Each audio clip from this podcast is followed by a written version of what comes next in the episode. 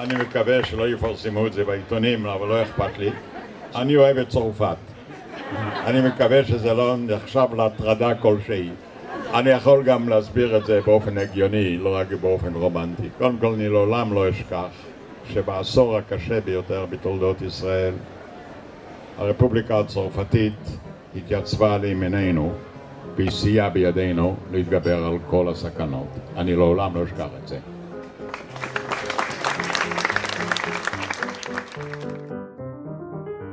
היום קצת קשה לדמיין את זה, אבל היו שנים בהן צרפת הייתה בעלת הברית הכי גדולה של ישראל. אלו היו שנים קריטיות, גורליות, כפי שנזכר בשעתו הנשיא לשעבר שמעון פרס. פרס גם היה בין האנשים שהפכו את אותן שנים לכל כך היסטוריות. אבל ירח הדבש של ישראל וצרפת לא החזיק מעמד. שורה של אינטרסים ומהלכים דרדרו את היחסים, וגרמו לרבים בישראל להרגיש נבגדים. במשך השנים היחסים השתפרו והתהדקו, אך לא חזרו להיות כבעבר. אני עמנואל אלבאס פלפס, עיתונאית ישראלית שנולדה וגדלה בצרפת, ואתם מאזינים ומאזינות לפודקאסט הרפובליקה. בשבעת פרקי הפודקאסט הזה אנחנו מנסים להבין ולהכיר טוב יותר את צרפת, את הצרפתים והצרפתיות. בפרק האחרון של הפודקאסט אני משוחחת עם לאה לונדמן. איתה ניסינו להבין איך הפכה צרפת לשותפה של ישראל, מה גרם לה להפנות עורף, למה התעצבן הנשיא שיראק שביקר בירושלים, ואיך דחף פרס להונאה בצמרת הצרפתית, שבסופה הוקם הכור בדימונה. שלום ללאה לונדמן, ראש תחום דיפלומטיה 2030 במכון אבא אבן לדיפלומטיה בינלאומית באוניברסיטת רייכמן, ומומחית למדיניות חוץ. שלום, עמנואל. היחסים בין ישראל לצרפת מתחילים די בגמגום. צרפת מצביעה בהיסוס על תוכנית החלוקה באו"ם ומכירה בישראל רק ב-1949. אבל בשנות ה-50 שילוב אינטרסים מחבר בין שתי המדינות, ומתחיל עשור של קשרים הדוקים. באמצע שנות ה-50 קורה משהו נורא מעניין, וזה שבעצם האינטרסים הלאומיים של צרפת ושל ישראל מתיישרים.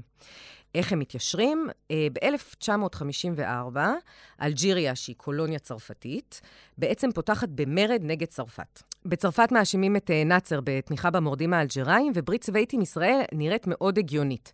ואז בעצם מתחילות עסקאות הנשק הראשונות. עכשיו, המפקדה של המחתרת האלג'יראית נמצאת בעצם בקהיר, ומקבלת תמיכה מנאצר. עכשיו, יובל נאמן, שלימים היה מנהל הכור בסורק, הוא משוגר על ידי בן גוריון לצרפת, כדי לפתח את קשרי המודיעין. והצרפתים רצו מודיעין ואינפורמציה על מה שקורה בקהיר, הם יכלו לקבל את זה רק מהישראלים. צרפת רצתה עזרה, ישראל רצתה נשק ואמצעי מודיעין. עכשיו, באופן לא מפתיע, משרד החוץ הצרפתי, הקדוכסה המפורסם, מתנגד לעסקאות, מתוך פחד שחוזר על עצמו לאורך שנים, אנחנו גם uh, נראה את זה, לאבד את מעמדה של צרפת בעולם הערבי. בכל אופן, בתקופה הזאת הצרפתים מסירים את האמברגו שאז הם חתמו עליו עם האמריקאים ועם הבריטים, uh, ומתחילים מכירת נשק לישראל, בקטנה בהתחלה, ואז מתחילים היחסים המיוחדים מול צרפת. עכשיו, באותה תקופה בערך, ב-1955, מתגלה עסקת הנשק של מצרים עם צ'כיה, שהייתה בת בריתה של ישראל, והמתחים עם מצרים מחריפים, ונאצר סוגר את מיצרי טיראן. ובעקבות המהלך הזה של נאצר, בריטניה וצרפת יוזמות מבצע צבאי שנרקם בחשאי ביחד עם ישראל, ובו צה"ל פולש לסיני כדי לספק להן תירוץ לפלוש לתעלה ולדאוג לאינטרסים הכלכליים שלהן. זה בעצם מבצע קדש, או מבצע סיני, ופה היחסים כבר ממש מתהדקים. המבצע אומנם נחשב uh, כישלון, והרס את היחסים, או מה שהיה, בין uh, צרפת לאנגליה, אבל מאוד מאוד חיזק את היחסים עם צרפת. זה חיזק את היחסים כל כך, עד שצרפת בעצם חותמת על הסכם רשמי למכירת כור גרעיני לישראל, שכולל גם ידע וגם תשתיות. וזה מה שפרס מספר בספר שלו, אין מקום לחלומות קטנים. אה, בזמן שמשה שרת ניסח עם הבריטים והצרפתים את פרוטוקול סוור על מבצע סיני, ממש באותו, באותו מקום, פרס ובן גוריון ניגשו לשרי החוץ וההגנה של צרפת, את שר ההגנה הזה אנחנו עוד נפגוש בעתיד, הם היו שם במקום, וביקשו מהם למכור לישראל כור גרעיני לצורכי שלום. עכשיו, שניים היו בהלם, כן? כי מאיפה נופלים עליו עכשיו אה, פרס ובן גוריון? אבל, אה, אבל הם הסכימו. וזו הייתה הגאונות גם של בן גוריון וגם של פרס. הם שניהם, אה, פרס גם מספר באמת שהעיתוי היה חשוב מאוד, כי בעצם הוא מזכיר להם שם בקטנה, שישראל עכשיו לוקחת סיכום עצום, כשהיא מסכימה בעצם להיות התירוץ של המלחמה הזאת, של מבצע סיני. והיא צריכה לקבל בחזרה.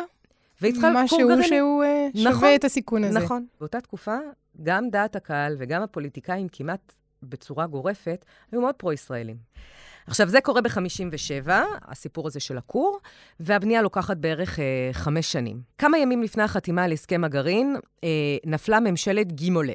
שר החוץ של מבצע סיני בזמנו אה, צריך את החותמת של ראש הממשלה שבעצם נופל, שהוא שר ההגנה של מבצע סיני בזמנו, בסדר? והוא צריך אותו כי האיש עומד לפני הצבעת אי אמון. ובלי אומר... החתימה הזאת, אין בעצם, אה, אין, אין, אין בעצם את הכור לישראל. כור. אין אישור למכור כור גרעיני לישראל. בסדר?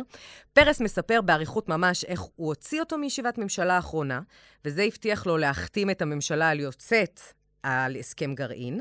טוב, הוא לא מצליח באמת להעלות את ההסכם בישיבה, אבל הוא חותם על ההסכם עם תאריך של יום לפני. קשה לי אפילו להסביר עד כמה הדבר הזה הוא... רגע, זה אומר, ש... זה אומר שמי שחותם על העסקה ביום שהוא חותם, מי שנותן, מי שנותן את החותמת, מזייף את התאריך, כותב תאריך של יום לפני, כן. כבר אין לו סמכות לחתום באותם רגעים. לא. בעצם הממשלה נפלה. אז מצד אחד, אני לא יכולה לחשוב על פוליטיקאי היום בעולם שהיה עושה דבר כזה בשביל ישראל, או בכלל, אגב. אה, אני כן רוצה להוסיף שזה שפרס מספר על זה, זה בגידה עצומה עצומה בצרפתים. זה מסוג הסיפורים שלא היו צריכים לצאת אף פעם.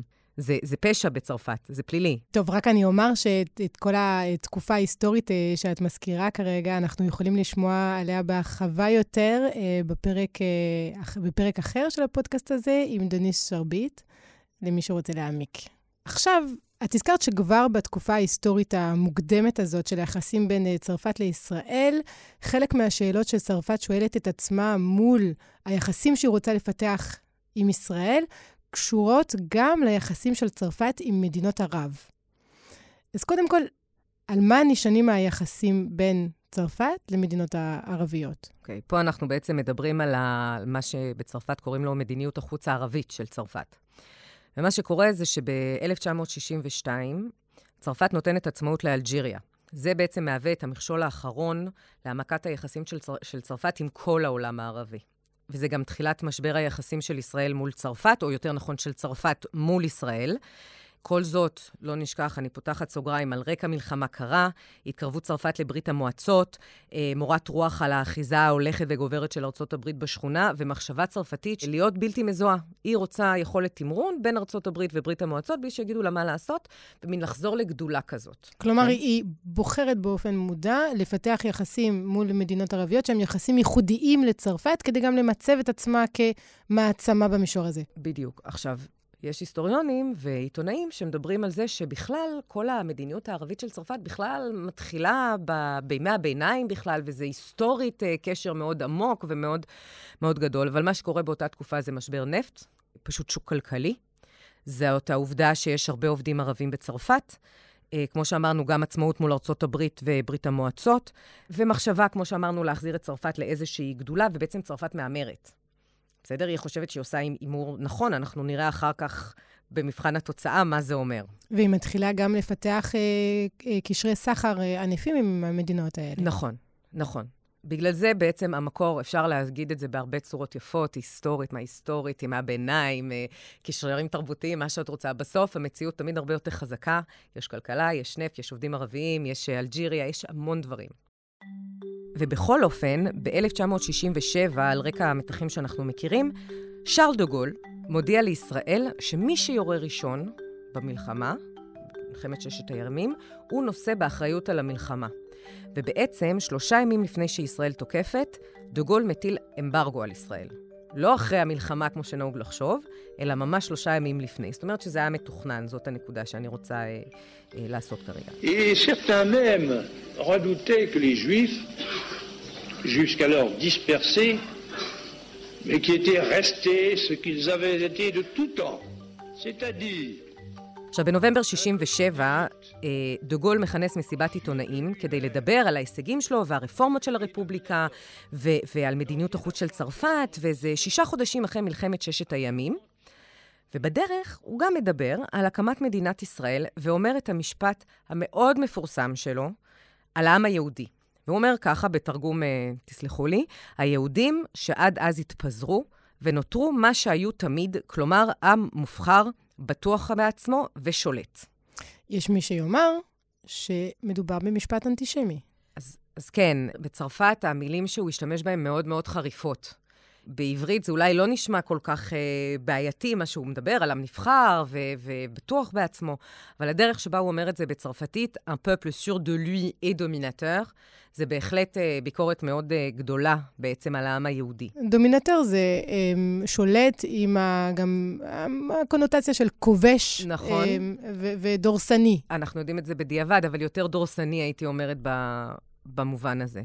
עכשיו, זה מאוד מעניין. הוא, באותו, באותו נאום הוא גם, הוא גם מדבר על ההערצה שלו לעם היהודי, ואפשר להיות פילוסופים ולהגיד שהרבה פעמים כשיש הערצה עיוורת לעם היהודי, זה גם בא איכשהו בצורה אנטישמית הפוכה. אבל מה שמעניין, אני חושבת, בסיפור הזה, הוא גם המאה ה-80 של דוגול בעצם, או של הממשלה הצרפתית, אבל בעיקר מה שמעניין זה שבניגוד למה שאנחנו מכירים היום מהעיתונות ומהמדיה, העיתונות ודעת הקהל מגנים בצורה מאוד חריפה את מה שדוגול אומר. זה נתפס מאוד תוקפני, זה נתפס באמת אנטישמי. כולם מתנגדים, חוץ מהקומוניסטים, אבל זה כבר סיפור אחר. הוא מקבל חיזוק דווקא מבן גוריון, שכותב לו מכתב ואומר, אני יודע שאתה לא אנטישמי. בסדר, הייתה מין הערצה מאוד גדולה בין בן גוריון לבין דוגול. אז האמברגו נמשך, והיחסים הרשמיים הולכים ומידרדרים, אבל זו לא כל התמונה. כי דעת הקהל בצרפת, במידה רבה גם דעת הצמרת הצבאית והמדינית, עדיין מאוד בעד ישראל, וככה יכולה להתרחש פרשה די מדהימה, פרשת ספינות שרבור.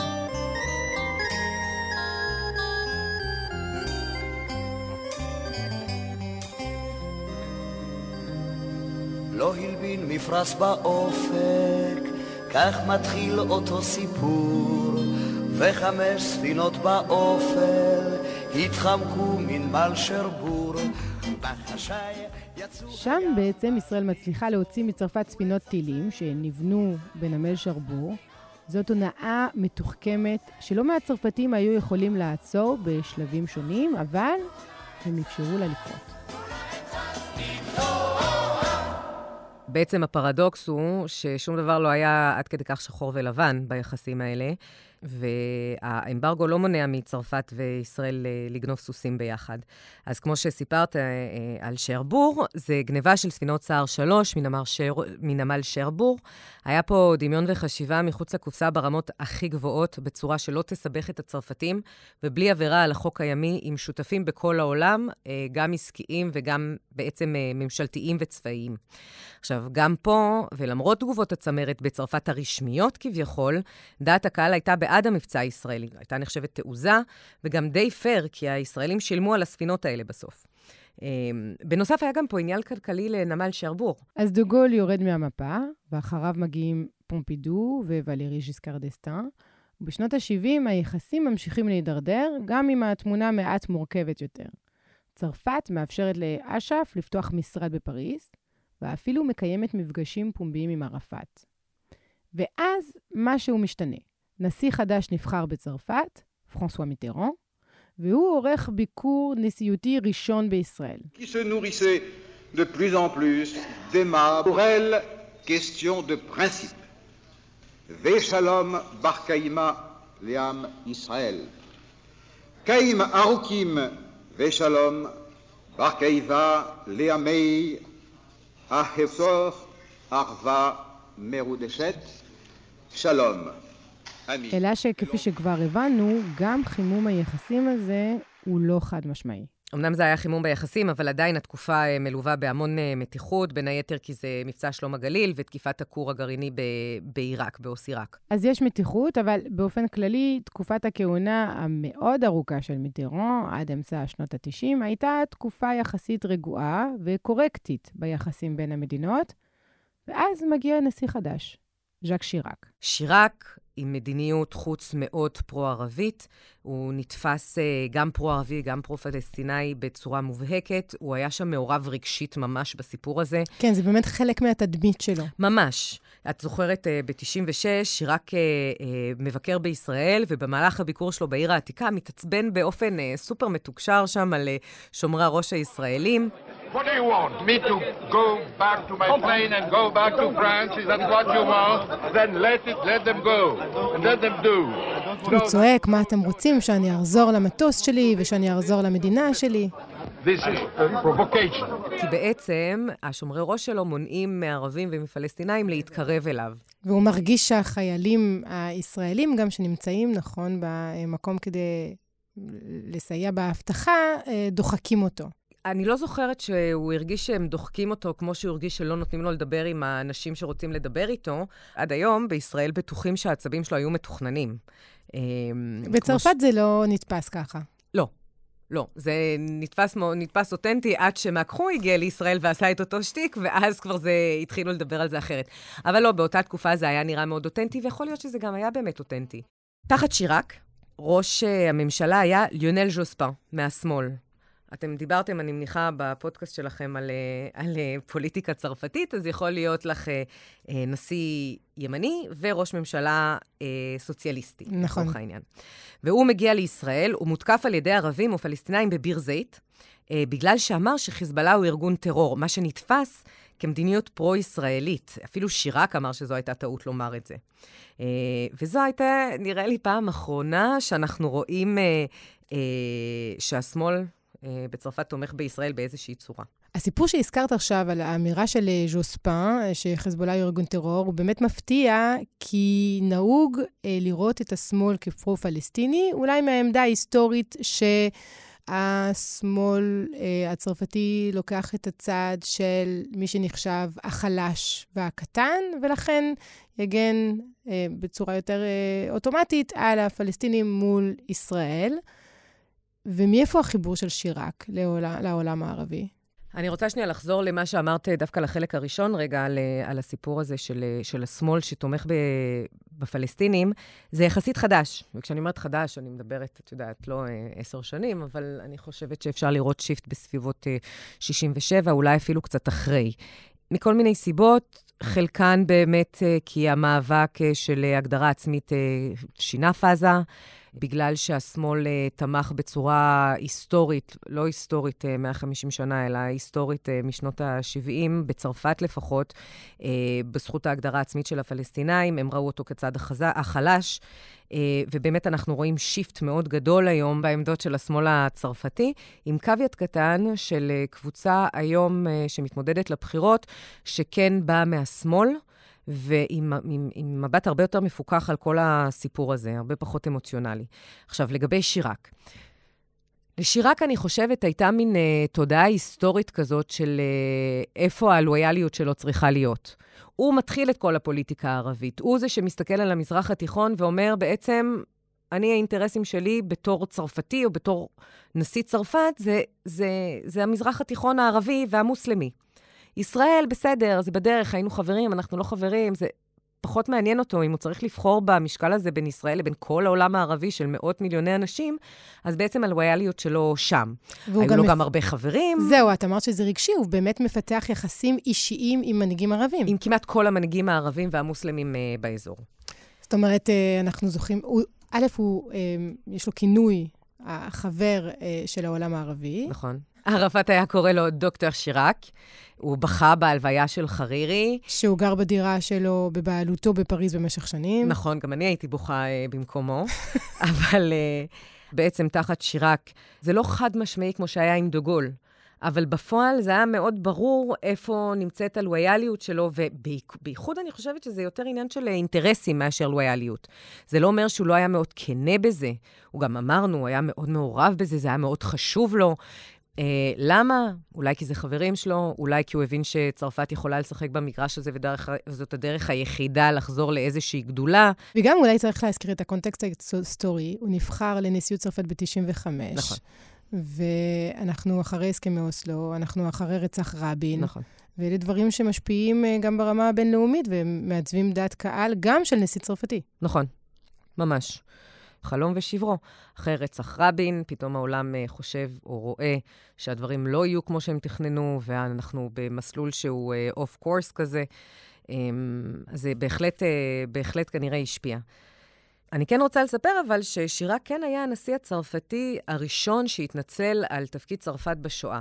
עכשיו, תשאלי אותי למה זה רלוונטי בעניינים של אה, יחסי ישראל-צרפת, אז זה רלוונטי כי בגלל ההפרדה המוחלטת הזאת שצרפת מנסה לעשות בין יהודים לבין, אה, לבין ישראל. זאת אומרת שמצד אחד שיראק יכל אה, להיות מאוד אה, חד-משמעי בקשרים שלו, ביחסים שלו ובמי שהוא תומך בו, ומצד שני, הוא, הוא ראה את אזרחי צרפת היהודים כאזרחים, בניגוד אולי לאמירה של דוגול, שיכולה להצביע על זה שהיהודים, עם נבחר, שולט, מה זה אומר לגבי אזרחים צרפתים.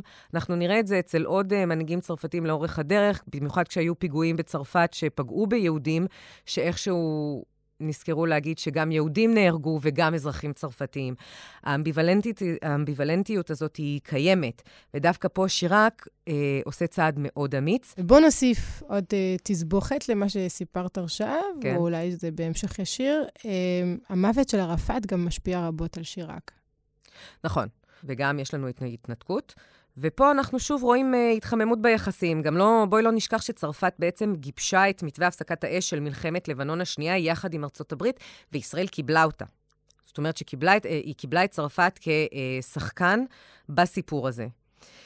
עכשיו, נראה שאנחנו הולכים לקראת uh, חימום יחסים, אבל צרפת לא זונחת את הקו הפרו-ערבי שלה.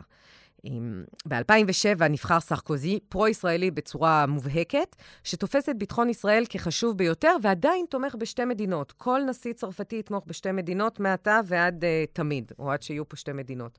אז פה זה מעניין, כי סרקוזי הוא בעצם היורש הפוליטי של שיראק, גם הוא רפובליקני. האם אנחנו יודעות להסביר למה העמדה שלו שונה מהעמדה של שיראק? כן. אני חושבת שמבחינה רעיונית, קודם כל, אה, הוא תופס, אה, הוא תופס את הסכסוך הזה בצורה אחרת, הוא תופס את האזור בצורה אחרת.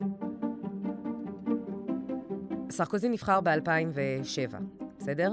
שנתיים לפני כבר אנחנו רואים התחממות ביחסים, אנחנו ב-2005. אני רוצה להגיד לך שזה נראה שהצרפתים פשוט הימרו על כל הסוסים הלא נכונים במזרח התיכון. הפלישה לעיראק, הפלישה לאפגניסטן, כל המנהיגים האזוריים בעצם אה, או עורפים להם את הראש, או שהם מוחלפים, או קורה שינוי מאוד מאוד גדול בעצם אה, במזרח התיכון, וכל הפרטנרים ההיסטוריים שצרפת עבדה כל כך קשה, עמלה כל כך קשה כדי לפתח איתם יחסים, פשוט נעלמים. אמנם צרפת מתנגדת לפלישה לעיראק, אבל בסוף, את יודעת, בסוף הם, הם, הם מתיישרים לצד האמריקאים, פחות או יותר, ופשוט האזור משתנה. וצרפת לא יכולה להישאר מאחור בסיפור הזה. ואני חושבת שכמו הרבה פעמים, אז כשה, כשהאזור או הסביבה הגיאופוליטית משתנה והדברים בשטח משתנים כל כך מהר, אז גם דעת הקהל בעצם אה, אה, מתחילה. פתאום אנחנו רואים שזה לא הסיפור הכי מעניין במזרח התיכון, קורים עוד הרבה דברים. פתאום אנחנו לא הסכסוך הכי אה, עקוב מדם במזרח התיכון. זאת אומרת שעדיין התזה, אני כן חייבת להגיד את זה, עדיין התזה שהשלום במזרח התיכון עובר דרך ירושלים, הוא תופס. התזה הזאת מתמוטטת אה, אה, לפני כמה שנים, אבל באותו זמן עדיין חשבו ככה. ועדיין אנחנו רואים שיפט, אנחנו כבר לא מרכז, ה, מרכז העניינים. צריך אה, פה אה, לעצור בנקודה אחת אה, דיפלומטית אה, מרכזית. צרפת, גם בתקופות שהיחסים שלה עם ישראל הם אה, תקופות אה, טובות, יחסים אה, חמים, באופן אה, היסטורי ושיטתי כמעט, היא מצביעה באו"ם אה, בעד הרבה החלטות שהן נחשבות החלטות נגד ישראל. תראי, פה יש לנו בעיה, צרפת היא דוגמה מאוד מאוד טובה, אבל גם גרמניה וגם עוד חברות שלנו... אה, אה, בעולם, שהרבה פעמים היחסים הקרובים שלנו ממדינה לא מתרגמים פשוט ל- ל- ל- להחלטות באו"ם, או כמו שאנחנו אוהבים לקרוא לזה, ב- זה, זה לא מתרגם בזירה הבינלאומית. ולא רק שזה לא מתרגם בזירה הבינלאומית עם צרפת, ולפעמים צרפת היא מובילה את הקו הזה, שבישראל אנחנו תופסים מן הסתם בצורה מאוד uh, אנטי-ישראלית. uh, ולא מאוזנת, סימון מוצרים מההתנחלויות, לחץ על ישראל לגבי ירושלים, זאת אומרת, אמירות מאוד uh, נוקבות. שלום, ובטח הצבעות באו"ם, שהרבה פעמים הם, אה, הם מצביעים עם כל מיני ארגונים אה, קיקיוניים, את יודעת, אה, ערב הסעודית בראש ארגות זכויות עד נשים, את מכירה את הסיפור הזה מספיק טוב. יש פער בעצם מאוד גדול בין היחסים הכלכליים, התרבותיים, הצבאיים, המודיעיניים, שעובדים מאוד טוב, לבין מה שקורה בזירה הבינלאומית. צרפת מתביישת ביחסים שלה עם לא. ישראל עד הסוף? לא, אני לא חושבת שזה עניין של uh, להתבייש. אני באמת חושבת שזה uh, מין תמהיל כזה של באמת אמונה שהמוצרים מההתנחלויות צריכים uh, להיות מסומנים, כי זה מה שנכון, כדי לעשות הבחנה מאוד ברורה בין הקו הירוק למה שלא בקו הירוק, ובין uh, קצת לרצות אולי דעת קהל וקצת מדינות נוספות. אה, יהיה מאוד מעניין למשל לראות איך הצרפתים מצביעים בשנים הקרובות בעקבות הסכמי אברהם. ויב לה רפובליק! ויב לה פרנס!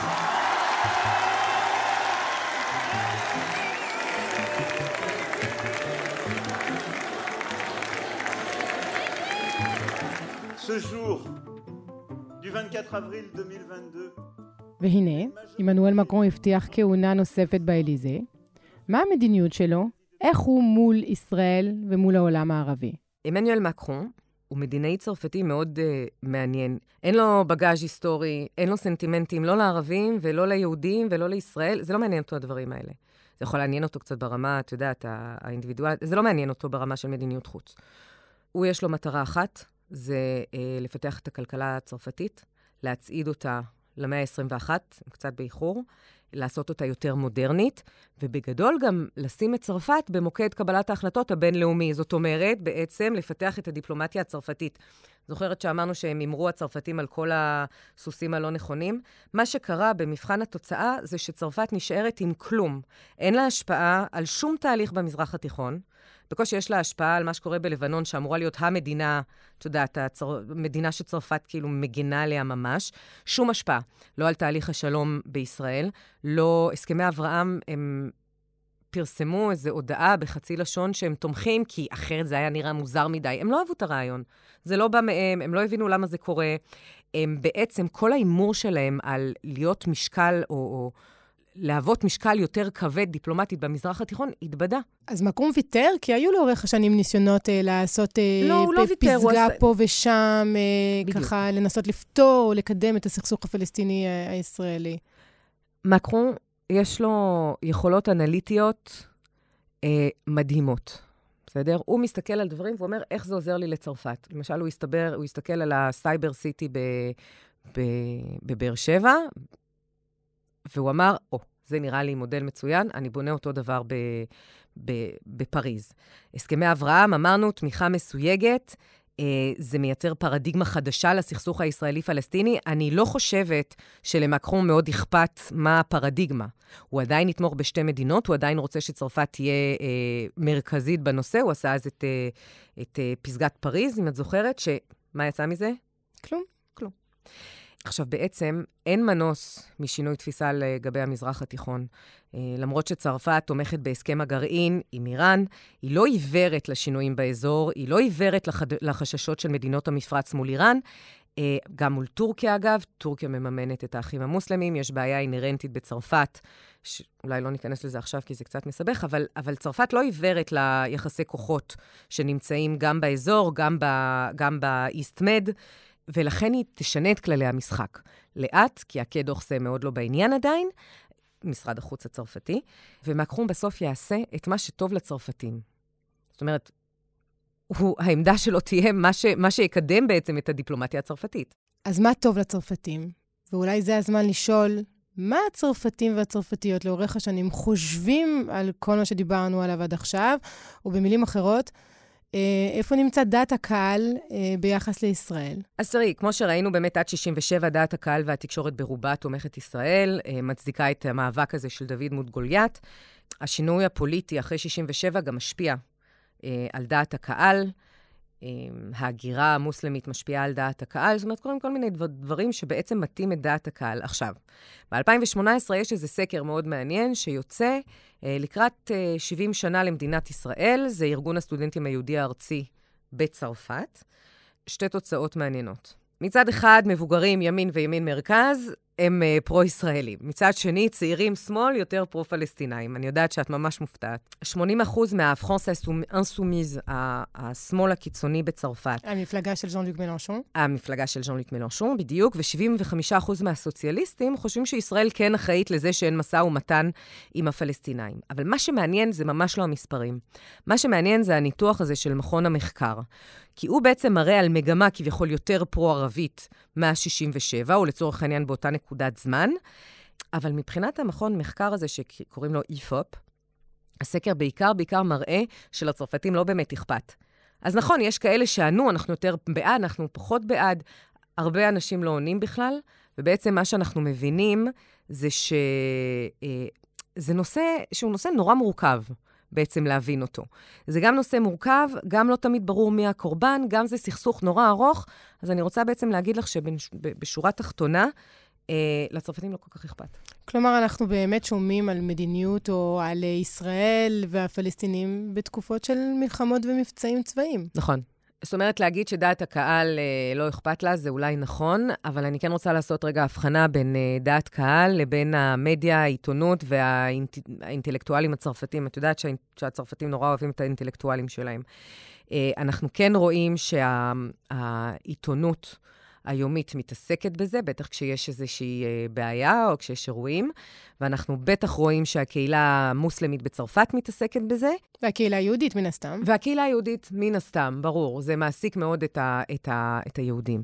אבל כן יש הבדל מאוד גדול בין זה שלא אכפת לציבור מסוים, או לרוב הציבור בצרפת, לבין זה שזה עדיין נושא מספיק סקסי ומספיק מעניין בעיני העיתונאים הצרפתים. מה גם שזה עיתונאים, עיתונאים ו, ואינטלקטואלים שנולדו על הסכסוך.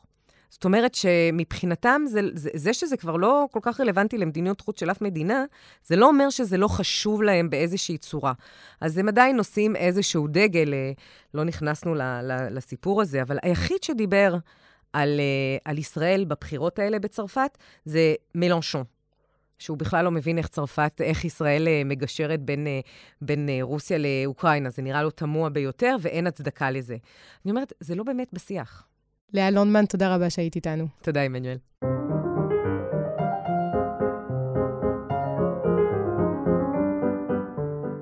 זהו. זה היה הפרק האחרון של הרפובליקה, הפודקאסט שמנסה להבין את צרפת ואת הצרפתים דרך הבחירות לנשיאות. קיבלנו מכם תגובות רבות, וזה שימח אותנו מאוד. תודה לכל מי שהאזין, הייתם רבים ורבות. הפרקים נשארים באוויר ואתם מוזמנים להמליץ עלינו לחברים, לבני משפחה. אנחנו נשמח מאוד להמשיך להגיע להרבה נשים ואנשים. את הפודקאסט הזה אתם יכולים למצוא באתר ובאפליקציה של הארץ, ובכל מקום בו אתם מאזינים לפודקאסטים. תודה רבה לעורך של הפודקאסט, אסף פרידמן, למפיק, אמיר פקטור, לעורך הסאונד, יונתן מנייביץ', ולעורכת של הפסקול, שני אבירם. אני עמנואל אלבאס פלפס, ולמרות שזה היה הפרק האחרון של הרפובליקה, אנחנו לא נפרדים, כי החל מהשבוע אני מגישה את הפודקאסט חוץ לארץ, שהוא עוסק בכל יום חמישי בסיפור מעניין מהעולם הגדול. thank you